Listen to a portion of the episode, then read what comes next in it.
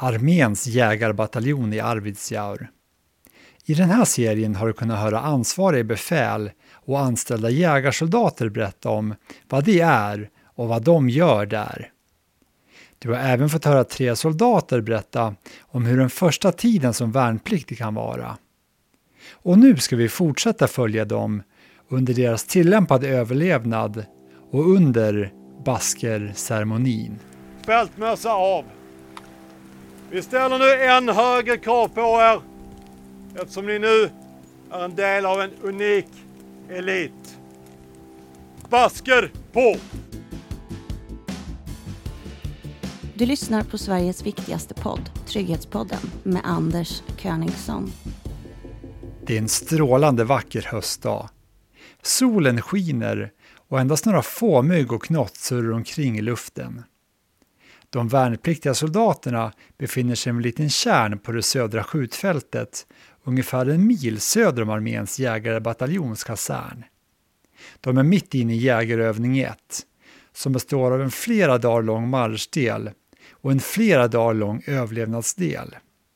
Och så här startade övningen, berättar Johannes Lampi som ska bli jägarsoldat. Nej men det började ju med att vi fick en packlista dagen innan och sådär och packade ihop eh, all utrustning bara och sen så var det bara ut och börja traska. Vi hade eh, ordermarsch och sen så fick vi reda på delmålen och sen var det bara ut och traska och sen var var inte mycket mer med det. Vi har ju fått lära oss marschrutiner och sånt vi går efter när vi ska ha rast och åtgärder innan rast och sådana grejer.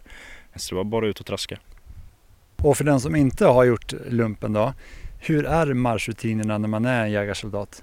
Du slänger på dig en ganska tung ryggsäck och sen efter det så går du gruppvis på ett led i ungefär 50 minuter. Sen efter det så har du vila på ungefär 10 minuter och du passar på att byta strumpor för att förebygga skoskav, kanske äta något lite. Sen eh, så fortsätter du marsch i 50 minuter igen och så följer du den rutinen. Eh, var fjärde marschpass ungefär så har du en lite längre rast och du får möjlighet att eh, kanske koka lite vatten och äta något eh, på riktigt.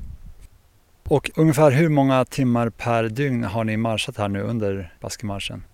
Jättesvårt att säga för det, allt varierar på hur fort vi går och terrängen styr som de alltid säger. Så har det varit mycket uppför så tar det ju längre tid som det är jobbigare.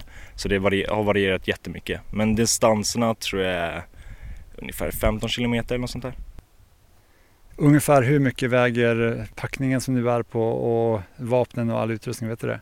Vapnet väger ju 4,5. Stridsoket kanske väger typ 4-5 kilo. Sen eh, ryggsäcken varierar också jättemycket. Vi går ju med den största ryggsäcken nu gör vi och kan väga 30 kilo. Jag har inte full koll men 35 kilo, 35-40 kilo kanske. Och hur är det att bära så här tungt? Nej men det, det är en sån ganska lång infasningsperiod så det kommer inte som en chock. I början kändes den här ryggsäcken hur tung som helst. Liksom. De är jätteduktiga på att förbereda oss. Befälen och alla övningsledare här är jätte, jätteduktiga. Så det, det har liksom matats på successivt så det har inte varit några större problem. Och även den blivande jägarförstärkningssoldaten Matilda Berglund är vid gott mod. Hittills har det känts för mig riktigt bra. Jag hade verkligen inga förväntningar. Jag tänkte att det kan bli hur rövigt som helst och det kan bli hur bra som helst också. Men jag har känt mig faktiskt väldigt stark och känt att ja, jag kan faktiskt gå på här ganska länge till. Liksom. Och eh, vi har haft tur med vädret, det har bara regnat lite och det gör mycket för humöret också på alla. Så det har ändå varit mest positivt. Men det känns kul att faktiskt förflytta sig lite för de andra fältvaneveckorna så har vi haft bas på ungefär samma ställe varje natt. Och det känns kul att kunna alltså, gå till andra ställen och slå upp läger på andra ställen och se lite andra miljöer än vad man är van vid, även fast vi är här på skjutfältet i år. Vidare då, ni var alltså inne på kasern, ni åkte ut här och är nere på södra fältet och sen så har ni varit ute och marschat. Vad har ni mer gjort än att bara gå omkring? Vi har ju fått öva på att rätta upp eh, förläggningar och sånt där. Sen har vi haft lite kortare utbildningspass. Så mycket inom militären är att kunna hantera karta och kompass. Så det har varit mycket det som har varit fokuset. Eh, så vi har haft ganska mycket stort fokus på det. Sen har vi även gått vidare till en överlevnadsdel som ingår i själva baskeprovet. Och vad gör man under överlevnadsdelen? Man rättar upp olika typer av bivacker. Sen får du testa på hur det är att gå utan lite resurser och mat ett tag också. Hur länge har ni varit ute här nu på överlevnaden? Eh, vi började i fredags tror jag och det är idag måndag. Och vad har ni ätit under den tiden? Varierat jättemycket. Vi har försökt att hitta det vi kan äta av djur och natur liksom. Så vi har fått en viss utbildning på det, man kan koka skägglav och granbärste och mycket blåbär har det blivit också. Men sen har vi även fått en del mat för vi kan inte gå och äta ingenting liksom. Vad har ni fått för mat då? Vi har mat, Alltså frystorkad mat. precis som du häller vatten i och kokar och käkar. Är du hungrig nu? Alltså man är inte hungrig, man är mest hungrig i början utan det är väl mer senare man märker att energinivån inte riktigt är detsamma men det är också någonting du vänjer dig med. Så det är väl det som har varit lite annorlunda också men som sagt befälen har ju stenkoll på oss så det är inga konstigheter. Om något skulle hända så rycker de in direkt liksom. Och så här sammanfattar Matilda Berglund sina erfarenheter hittills från överlevnaden. Än så länge har vi lärt oss hur man gör en enmansbivack. Alltså vi sov ett dygn själva då. Hade en liten egen eld, det var ganska mysigt faktiskt. Även fast man är lite hungrig och lite energilåg så eh, tyckte jag det var rätt så mysigt. Eh, och sen så igår lärde vi oss eh, att bygga gruppbivack då. Då är man en hel grupp och bygger vindskydd och gör upp eldstad och kokar tallbarste. Och det är faktiskt inte så dåligt när man ligger still och inte behöver gå i uppförsbackar. Man känner att man är väldigt energilåg men det går väldigt bra tycker jag absolut. Och det är ingen i gruppen än så länge som har liksom blivit eh, arg och stingslig utan alla håller väldigt gott humör och det, det känns bra för att eh, ja, många, ja, nästan alla här skulle jag säga har bra viljestyrka för det måste man ha om man ska göra det här så det, ja, det är kul. Är du hungrig nu? Ja, kvällarna har ju varit mycket skriva upp mat man ska äta när man kommer hem. Kebab och eh, pasta carbonara och mycket sånt gott. Men eh, det är också kul tycker jag att faktiskt veta hur man känner sig när man inte har ätit på liksom, alltså när man inte har ätit ordentligt på några dagar liksom. Att man faktiskt, man känner att man är energilåg men det går fortfarande att göra saker liksom och det är inte som att alla sitter och gråter, absolut inte att kroppen klarar ju så mycket mer än vad man tror. Och hemma är det kanske så här, åh, jag har inte ätit på tio timmar, jag dör. Men eh, här, det är liksom inga problem för att man gör ju saker också nästan hela tiden. Så att man tänker inte så jättemycket på det. Men eh, ja, det ska bli gött att äta när man kommer hem. det ska bli gott. Vad har ni fått äta nu under den här tiden, de här dagarna då? Eh, vi har fått äta ungefär 500 kalorier per dag har de ju sagt. Så att vi har fått faktiskt en VA-påse per dag än så länge. I lördags fick vi en påse och i söndags fick vi en. Ingen i fredags då. Och då, det, det är riktigt gött när man får äta dem. Men det är inte så mycket, det känns inte som att det är så mycket mat liksom, i en sån så att det, det går snabbt ur kroppen. Men så vi har ju liksom inte fått supersvälta och det är nog de flesta glada över. Men nu så håller vi ju på och fiskar här då idag och eh, vi funderar på, all, det är mycket spekulationer också fram och tillbaka, men vi funderar på om det är liksom fisken som ska vara dagens eh, middag då. Så vi hoppas ju på att vi får någon fisk här för annars kanske det inte blir någon mat idag. Vi får se. När jag gjorde värnplikten 97-98 och genomförde överlevnadsutbildningen fick vi ingen VA-mat alls. Och att soldaterna får det numera väcker min nyfikenhet. Men jag får snart berättat av ett befäl att anledningen till det är rena hälsosäkerhetsskäl. Om man tappar för mycket vikt under kort tid kan det helt enkelt vara farligt och till exempel påverka hjärtat. Men det är alltså inte mycket mat de får och jag frågar därför den blivande jägarsoldaten Hannes Wikström hur stämningen bland soldaterna är. Det är lite tufft, folk är trötta och eh, det är ju lättare att bli grinig när man är trött. Man vet ju själv bara när man missat en lunch tidigare så är man ju inte på samma nivå. Men jag tycker generellt att folk biter ihop bra. Vi har haft tur med vädret, peppar peppar. Så det har gått helt okej okay ändå. Och förhoppningsvis är det inte så långt kvar. Så. Pratas det mycket om mat? Väldigt mycket om mat. Folk gör sådana här listor på vad de ska äta när de kommer hem och mycket att man sitter och drömmer sig bort till pizzor och hamburgare och liknande. Men det, det, är också på något sätt bra tror jag för då, börjar man, då tänker man inte så mycket på det jobbiga utan man tänker på det som roliga som ska komma liksom. Att man får tiden att gå lite vilket är det man måste få göra just nu. När jag var här och vi hade vår överlevnad så tänkte jag framförallt på två saker som jag ville äta. Det var kladdkaka med mycket grädde och sen ta en capricciosa och rulla in den och bara trycka in den i munnen. Ja. Har du någon speciell mat som du verkligen skulle vilja äta just nu? Ja, vad, vad, vad vill jag inte att just nu är frågan. Men eh, det, min favoritpizza nere, jag pluggar nere i Lund annars och eh, det finns en pizzeria där som lagar sån fantastiskt god vedugnsbakad pizza med tryffelsalami. Och det hade jag verkligen inte tackat nej till just nu faktiskt. Eller aldrig, men verkligen inte just nu. Men att bara fantisera om eller hoppas på att man får mat räcker inte. Att överleva handlar om att skaffa sig mat och det kan man göra på olika sätt. Jag heter Sara Bolin och jag kommer från Sundsvall. Vad håller ni på med nu? Just nu så håller vi på att samla in skägglav för att sen kunna urlaka energin från den här så vi kan äta nu under våra överlevnadsdygn. Och hur gör man då? Ja, man går på träden och så letar man efter eh, laven och det finns jättemycket grön eller ljusgrå lav men det är inte den man vill äta utan det är den som är brun, mörk lav, skägglav. Den eh, plockar man, samlar man på sig och sen så har vi ett kärl som vi kokar i ovanför våran eld i våran bivack. Men då först har vi fått lite bikarbonat så man ska ta bort syran ur den här laven. Och sen när väl syran är borta då kokar man det tills det blir som en välling nästan. Och då käkar man den, helt enkelt. Och hur smakar det? Har ni smakat det här förut? Eh, Ja, vi fick smaka ett förevisningsexempel precis nu och det, det smakade inte så mycket. Men eh, jag kan tänka mig att det mättar lite i alla fall. Sen var det det här med att få fisk till middag. Ja, idag så har vi haft utbildning på aktivt och passivt fiske. Och eh, spöet som du ser här, det är ju passivt fiske då. Så då har vi tagit en lång slana, den är väl ungefär ja, nästan 10 meter lång vår slana.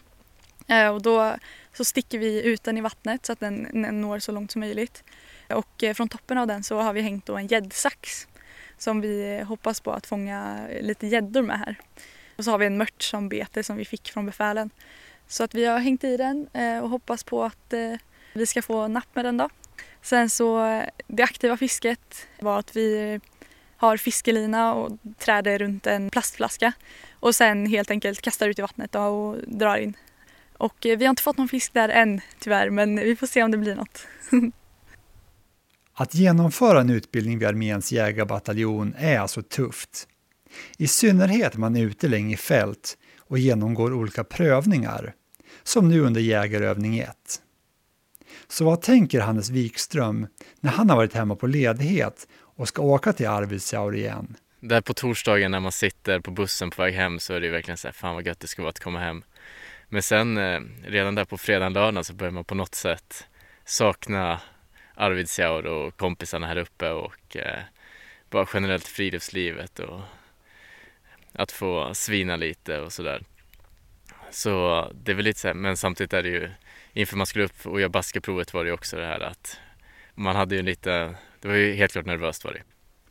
Man brukar ju tala om eh, uppreseångesten Ja. eller inför ångesten inför man ska åka in igen om man varit ledig. Har du ångest när du åker in?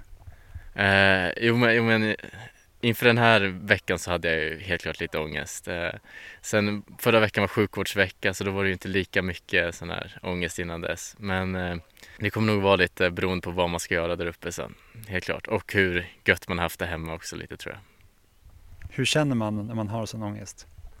Oj, ja men som sagt lite nervositet. Eh, som jag sagt flera gånger nu, den här skräckblandade förtjusningen. Men också en oro såklart att fan kommer jag klara det här? Eh, men sen har det ju visat sig att man klarar ju mycket mer än vad man tror så det är ju oftast bara att köra på. Nu har ni ju haft en ganska stor del av baskeprovet. Ni har gått hela baskemarschen, nu har ni överlevt den. Utifrån det som ni har genomfört nu och den känslan du kanske hade inför du åkte upp här då. Stämmer det överens eller oroar det dig i onödan? Oj, eh, alltså på- på något sätt tror jag att det är bra att vara lite nervös och orolig för att så man är förberedd på att det kommer bli tufft.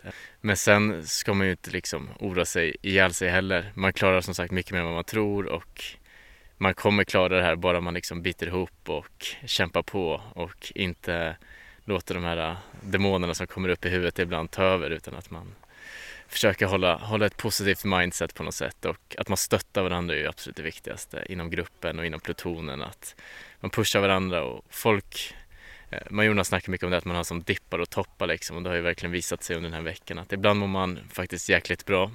Man har fått i sig någon kaka eller det har varit någon kort rast och så bara känner man fan nu är livet bra och sen bara en timme senare så är man på botten och då gäller det att man kompletterar varandra. När någon är på toppen får man hjälpa dem som är på botten och tvärtom liksom. Hur länge tror du att ni kommer att vara ute på överlevnaden? Ja, nu är det ju måndag och eh, våra förhoppningar är väl onsdagen att det ska vara över då, så två dagar till. Så just nu börjar det väl bli att man räknar ner timmarna i alla fall och inte dagarna längre, så det är ju skönt. Har ni haft någon övning hittills där ni har trott att det ska vara slut och sen så visar det sig att det inte har varit slut? Jo, det har väl hänt ett par gånger och det har ju Första gången var man nästan lite så här, okej, okay, det är nog inte slut här, även fast vi det, det känns lite som det. Och andra gången kände jag verkligen att okej okay, nu är det över och sen helt plötsligt så var det bara ut och köra igen. Men... Eh, Hur var det då?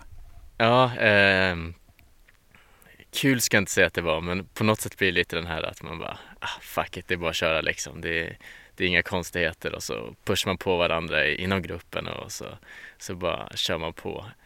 Ofta har man ändå fått någon slags liten återhämtning däremellan också så då, det brukar gå. Man vet att så lång tid till kan det ändå inte bli så då biter man ihop och så kör man på liksom. Hur lång tid extra blev det då? Det har blivit en dag extra på båda gångerna och det har ändå gått ganska bra. Det, det är lite så här, man får, vi brukar säga att man får brösta det lite, att man liksom, när det inte är så långt kvar då får man bara ta det och sen bita ihop och så är det över sen och så får man njuta sjukt mycket när man kommer hem sen istället. För de brukar säga ju jobbigare det är när man är här uppe desto större förtjänst är det när man väl kommer hem sen och det är verkligen sant och det är lite därför man gör det här när jag var här så pratade befälen mycket om pannben, att om det blir riktigt jobbigt då är det bara att koppla på pannbenet och sluta tänka och köra. Är det någonting era befäl säger också? Jo, men det har de ju helt klart varit inne på och det är väl en rätt bra inställning tror jag ibland. För när du börjar tänka på hur jobbigt det är, då blir det ju jobbigare. Ibland är det bättre att bara liksom tänka på pizza och sen bara köra på istället och försöka få tiden eller marschen att ta slut och komma hem och ha det gött sen. Lyckas soldaterna genomföra jägarövning 1 får de ikläda sig basken. Och så här tänker Matilda Berglund om det. Alltså det är ju det som alla ser fram emot nu och nu är det inte så många dagar kvar. Och alltså ett, att liksom få basken känns ju mäktigt för då är man ju faktiskt en dragon och inte bara rekryt liksom. Och sen så eh, är det också kul att faktiskt ha gjort sin första jägarövning. Att man, det var liksom det här som vi har gått liksom lite mer än två månader för och övat inför. Och då känns det faktiskt kul att liksom ta sig igenom den här veckan och veta att man faktiskt klarar av det och det är mycket liksom som testas. Vi har haft utbildningskontroller längs vägen liksom. Eh, och veta att ja, men jag har faktiskt lärt mig någonting på de här eh, nästan tre månaderna. Så det är väl eh, mycket liksom förväntningar nu när det bara är så lite kvar. Att nu är det bara att hålla ut, nu är det snart färdigt liksom. så det är kul. Soldaterna har nu alltså genomgått ett antal dagars marsch och överlevnad. Så hur tycker Johannes Lampi att moralen i gruppen är? Nu när övningen, kanske, börjar lida mot sitt slut. Förvånansvärt bra skulle jag ändå säga. Man eh, adapterar sig så himla bra här uppe. Utan alla här är ju, man, folk är ju här uppe för att utmana sig och se vart gränserna går liksom. Självklart så har ju folk dippar, men det är ju så det är. Men jag tycker generellt sett att stämningen har lyckats bibehålla, bibehålla en god ton och allt har varit bra. Hur länge kommer ni ha överlevnad? Det blir vi varse om. Så det, det vet vi inte riktigt, eh, utan eh, eh, vi får se. Hur är det då att inte veta hur länge ni ska vara här ute? Det var ju också en grej som var lite ovant i början men det är någonting du vänjer dig vid. För det är ju så sen när det smäller på riktigt liksom att du vet inte tider eller vet hur länge någonting kommer hålla på utan du tar bara varje uppgift och varje ny tid som det kommer och det är den inställningen du borde ha. Liksom. Nu är ni ute på baskeprovet här eh, och de som klarar sig här kommer att få basken. Vad tänker du om det här med baskeprov och få basken? I början så var man ju väldigt uppspelt inför det men nu när man väl är ute och gör det så tänker man väl inte så mycket på det utan man, man försöker väl fortfarande ha det här tankesättet att ta varje ny tid och ny uppgift som det kommer bara och sen löser det sig. Utan alltid bara försöka prestera så bra man kan så blir det som det blir. Liksom. Två dagar senare är övningen verkligen slut. Och tillsammans med några av befälen går jag upp för Granberget där baskerceremonin ska hållas. Det känns lite förväntansfullt även för mig att få vara med på den. Så här drygt 23 år efter att jag och övriga min årskull uppe i trakten av den lilla byn Vogasholme vid foten av fjällvärlden fick motta våra baskrar. Det vackra vädret har hållit i sig och solen strålar nu ner på oss från en helt klarblå himmel. Uppe på Granberget är utsikten milsvid över det kuperade och till stora delar just granprydda landskapet. Soldaterna står uppställda i prydliga rader med ansiktena vända ner för berget. Framför dem, vid en liten mysigt knäppande brasa, står skvadronschefen major Björn Åhlén. Och snart kommer även chefen för arméns jägarbataljon, överstelöjtnant Fredrik Andersson. Hallå? Ja, överstelöjtnant. Andra jägarskvadron. Bort! Överstelöjtnant, andra jägarskvadron, enligt order. Tack, jag tar befälet. God dag soldater! God dag överstelöjtnant! Manöver. Jägarövning 1 går mot sitt slut. Kvar väntar vård och återhämtning. Vård av materielen och återhämtning av er själva. Vi står på Granbergets sluttning, inte utan anledning. Platsen är vald med omsorg för att erinra om Norrlandsregionens särskilda förmåga att hantera terrängen och klimatet. Både dess utmaningar, umbäranden, men också möjligheter. Klarar man att överleva och verka i ödemarken, då blir också andra ställen att verka på enklare. Man har alltså goda förutsättningar att hantera alla terrängtyper när man kan verka i den här miljön. Norrlandsdragoner har burit den gröna baskern sedan 1960-talet.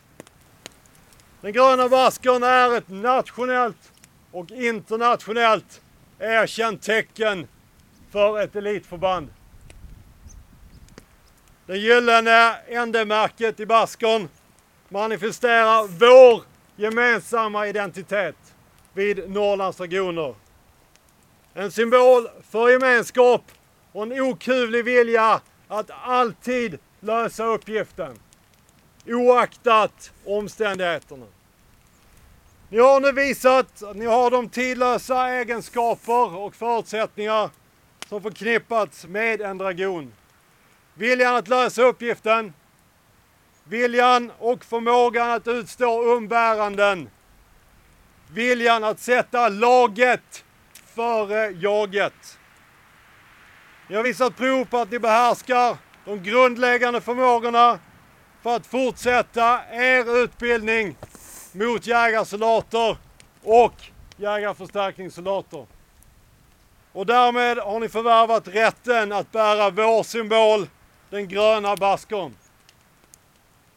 Ni står väl rustade inför kommande utmaningar och förväntningarna på er kommer härifrån att öka. Fältmössa av. Om en sig baton. Bort! Att bära förbandets symboler är en ära som förpliktigar. Att vårda arvet från föregående generationers Norrlandsdragoner och utgöra ett föredöme för kommande generationers Norrlandsdragoner. Vi ställer nu än högre krav på er eftersom ni nu är en del av en unik elit. Basker på! Bär baskern med stolthet. Lystring ställ. Efter att baskern har tagits på fortsätter baskeceremonin med soldaterinran och sen korum med förbandspastorn. Därefter börjar överstelöjtnant Fredrik Andersson att avrunda ceremonin. Ha med sig baton. Bort! Gud bevare konungen och fäderneslandet! Gud bevare konungen och fäderneslandet! Lystring ställ. Kanonchefen återtar befälet. Ja, överstelöjtnant, jag tar befälet. Andra jägarskvadron. Bort! andra jägarsektion, manöver. Då så! Huvuddelen av er har ju nu tilldelats den gröna basken. Jag trycker på det bataljonschefen sa. Nu eh, kraven som vi har ställt sedan tidigare kvarstår. Kraven ökar också framgent och för eh, majoriteten så går vi mot ett utbildningstecken jägare. Så från och med nu så påbörjas den resan. Och den ska inte underskattas på något sätt. Respektive plutonchef återtar befälet. Manöver, stå stilla. Jag har riktlinjer för fikat. Ovanför här kommer det finnas två utspisningsliner med eh, kaffe, bulle, kaka. Jag kommer få utspisningsstyrka från 23 och 22 pluton. Medan de nyblivna dragonerna går för att hämta sin välförtjänta fika passar jag på att fråga major Björn Åhlén hur årets jägarövning 1 har varit. Jag skulle säga att årets övning har väl eh, varit hårdare än de två tidigare åren för då har vi genomfört en klassisk eh, fjällmarsch under jägarövning 1. Eh, I år med anledning av coronapandemin så har vi varit tvungna att göra vissa modifikationer för att kunna upprätthålla den medicinska säkerheten men det har ju även inneburit att vi har kunnat genomföra vissa moment som vi inte gjort tidigare och det har kanske gjort att vi har prövat de värnpliktiga betydligt hårdare i år än tidigare år och eh, det märks på de värnpliktiga också att eh, ja, de har varit med om någonting på riktigt för första gången. Kan du säga vilka moment det har varit som inte har gjorts de två föregående åren? Bland annat har vi prövat eh, gruppens förmåga på ett annat sätt och sen vissa enskilda soldatmoment. Nu kommer jag inte gå in på exakt för det finns ju möjligheten att det blir en repris nästa år på det här i och med att utfallet har ju varit eh, väldigt bra. Så de har prövats i klassisk Norrlands jägaranda. Och Matilda Berglund är mycket nöjd med att ha genomfört övningen. Det känns hur bra som helst. Det är ju strålande sol, vi är uppe på Granberget, jättefin utsikt. Det kunde inte vara bättre. Och efter fem och en halv dag överlevnad och få äntligen äta mat, äta bullar, saft. Ja, det är helt underbart. Hur tycker du att överlevnaden har varit nu när ni har genomfört den? Jag tycker det har varit intressant.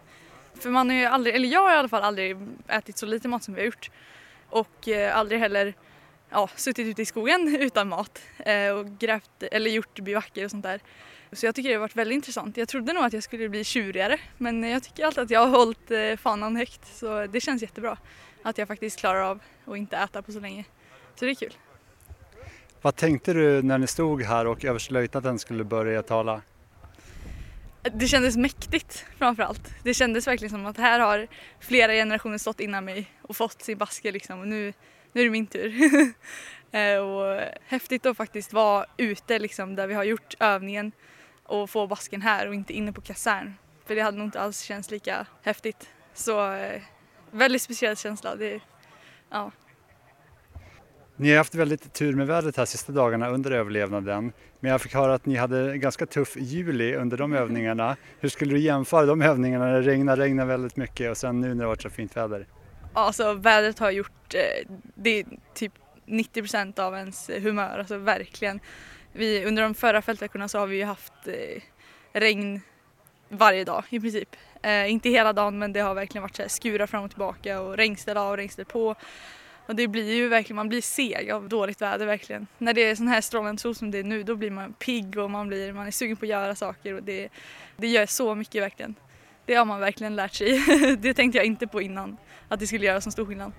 Så nu har det varit lätt att vara soldat under de här dagarna fast det har varit kanske lite mat. Det har absolut varit lättare. Vi har sagt det under den här övningen. Hade det pissregnat nu i flera dagar då hade det, då hade det inte varit kul. Så det har verkligen varit lättare. Är det något tillfälle som du kan minnas här under baskeprovet som har varit särskilt jobbigt? Det är väl ens dippar. Man har ju verkligen toppar och dalar.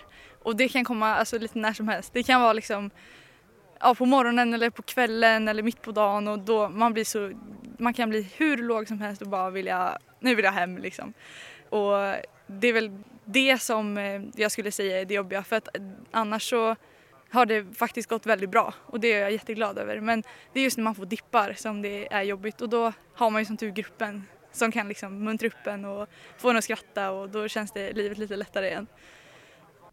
För den som inte har genomfört värnplikten och inte vet hur det är att vara ute i skogen och genomföra sådana här faktiskt strapatser som det är. Hur skulle du beskriva hur det känns i huvudet när man får en sån här dipp?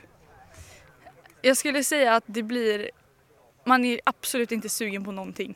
Det är liksom, jag vill inte, jag vill inte gå dit för att hämta vatten, jag vill inte bygga det här vid backen, jag vill absolut inte, orkar inte ens åka hem typ, jag vill bara ligga här och sova i tusen år. det är så jag skulle beskriva hur det känns. Att man verkligen blir, bara inte blir sugen på någonting. Nu ska du få ta en bit av bullen här. det ska bli gott. Ja, det smakar bra. Riktigt bra. Mm, mm, mm. Det här har man längtat efter. Kanelbullar stod faktiskt på min matlista av saker jag ska äta när jag kommer hem så nu har jag bockat av en sak i alla fall. Och vilka tankar går Johannes Lampis huvud efter att han fått motta basken? Lättnad bara. Eh, de två sista dygnen var skapligt kämpiga ändå. Så det är en eh, väldigt stor lättnad och glädje som finns över hela kroppen. Varför var de tuffa? Bara bristen på mat och energi skulle jag ändå säga. Bara det här konstanta ovetandet att man inte vet vad som kommer hända sen. Tror jag det som var, gjorde att det blev värst. Hur tycker du att eh, jägarövning 1 har varit här i allmänhet? Det är, uh, det är en svår fråga. Ungefär som förväntat skulle jag säga. Det har eh, både varit roligt och kämpigt. Men jag skulle säga att det har gått ungefär som förväntat och jag är ändå glad att jag står här med basken idag. Liksom. När överstelöjtnanten eh, sa mössa av basker på, vad tänkte du då? Det är mäktigt, det är det. Eh, så man blir mest glad bara äntligen när det är över liksom. och att man äntligen får det man har kämpat de här tre månaderna för. Så det var en eh, lätthetskänsla som var skön sista dygnet här, hur mycket har ni pratat soldaterna sinsemellan om hur det skulle bli att stå här uppe på berget och få basken? Nej, folk har ju prioriterat pizzan högre än eh, basken nästan. Så det är, det är maten som har gått i högsta hugg faktiskt. Så det är väl sen senare när vi fick käka frukost som folk började tänka lite på basken igen och man faktiskt förstod vad man gått igenom. Så det är tyvärr maten som har klingat högst. Men ni fick frukost i morse? Ja, det fick vi. Så det var första målet på, på riktigt då, på fem dygn. Så det var, det var välförtjänt tyckte vi. Hur smakade det? Fantastiskt. Vad fick ni för frukost? Vi fick gröt, ägg och eh, mackor med kaviar. Stort grattis till basken! Tack så jättemycket! Men precis som befälen poängterade är det här bara början av resan. Framför dragonerna väntar hösten och en lång, kall vinter. Så vad tänker Hannes Wikström om det? Ja, det är väl lite, med lite skräckblandad förtjusning på något sätt. Det är jättekul att utmana sig och det är väl därför alla har kommit upp hit. Men eh, alla säger att det blir tuffare och tuffare också och det är väl ingen som säger att det här inte har varit tufft heller. Så det här har ju blivit tuffare och tuffare, själva utbildningen de här tre månaderna och själva baskövningen har ju varit tuff. Men eh, det ska bli kul och eh, verkligen få det vi har lärt oss nu att få in det lite i, vad säger man, i praktiken eller få visa att man kan det och sådär. Så det ska bara bli kul, utvecklas. Vintern här uppe kan ju bli väldigt kall, det är mycket snö. När jag gjorde lumpen här sa de att det kommer att bli mycket svårare, allting tar längre tid. Det blir svårare att hålla på som de kallar det, fipplar med saker, med kärlen och med utrustningen och så. Vad tänker du om det då? Alltså framförallt är jag väldigt taggad på att lära mig och bli bra på det. Det ska bli jättekul att kunna hantera svåra förhållanden och vintriga förhållanden. Men sen kommer det bli tufft, det kommer bli kallt och det kommer säkert vara väldigt kärvt många gånger. Men ja, som sagt, skräckblandad förtjusning, kul. Den som lyssnar på det här nu och tänker att ja, men det här med att bli jägarsoldat kanske är någonting för mig. Mm. Vad skulle du vilja säga till den eller de personerna då? Ja, men jag skulle verkligen rekommendera det. Framförallt för gemenskapen och förtjänsten som man mycket snackar om det här att kunna njuta av vardagen. Men sen skulle jag väl också tipsa om att när man ser de här jägarserierna på Youtube och sånt att liksom allt är inte en dans på rosor heller liksom. Vissa grejer kommer att vara tuffa, framförallt mentalt, man kommer ha hemlängtan och liknande. Och sånt är svårt att förmedla på en Youtube-serie kanske. Men eh, det, fördelarna överväger helt klart nackdelarna skulle jag säga. Dragonerna börjar vandra ner för Granberget. De ska återvända till kasern och alltså påbörja vården av utrustningen och av sig själva. För dem väntar nya övningar och nya äventyr För min del börjar besöket i Arvidsjaur lida mot sitt slut. En vistelse som varit full av återupplivade minnen, men även av ny kunskap om arméns jägarbataljon och vad de gör för säkerheten och därmed tryggheten för alla medborgare.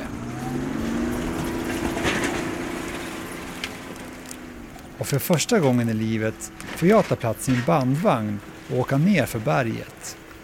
På väg mot nya spännande möten och för att snart besöka nästa jägarförband.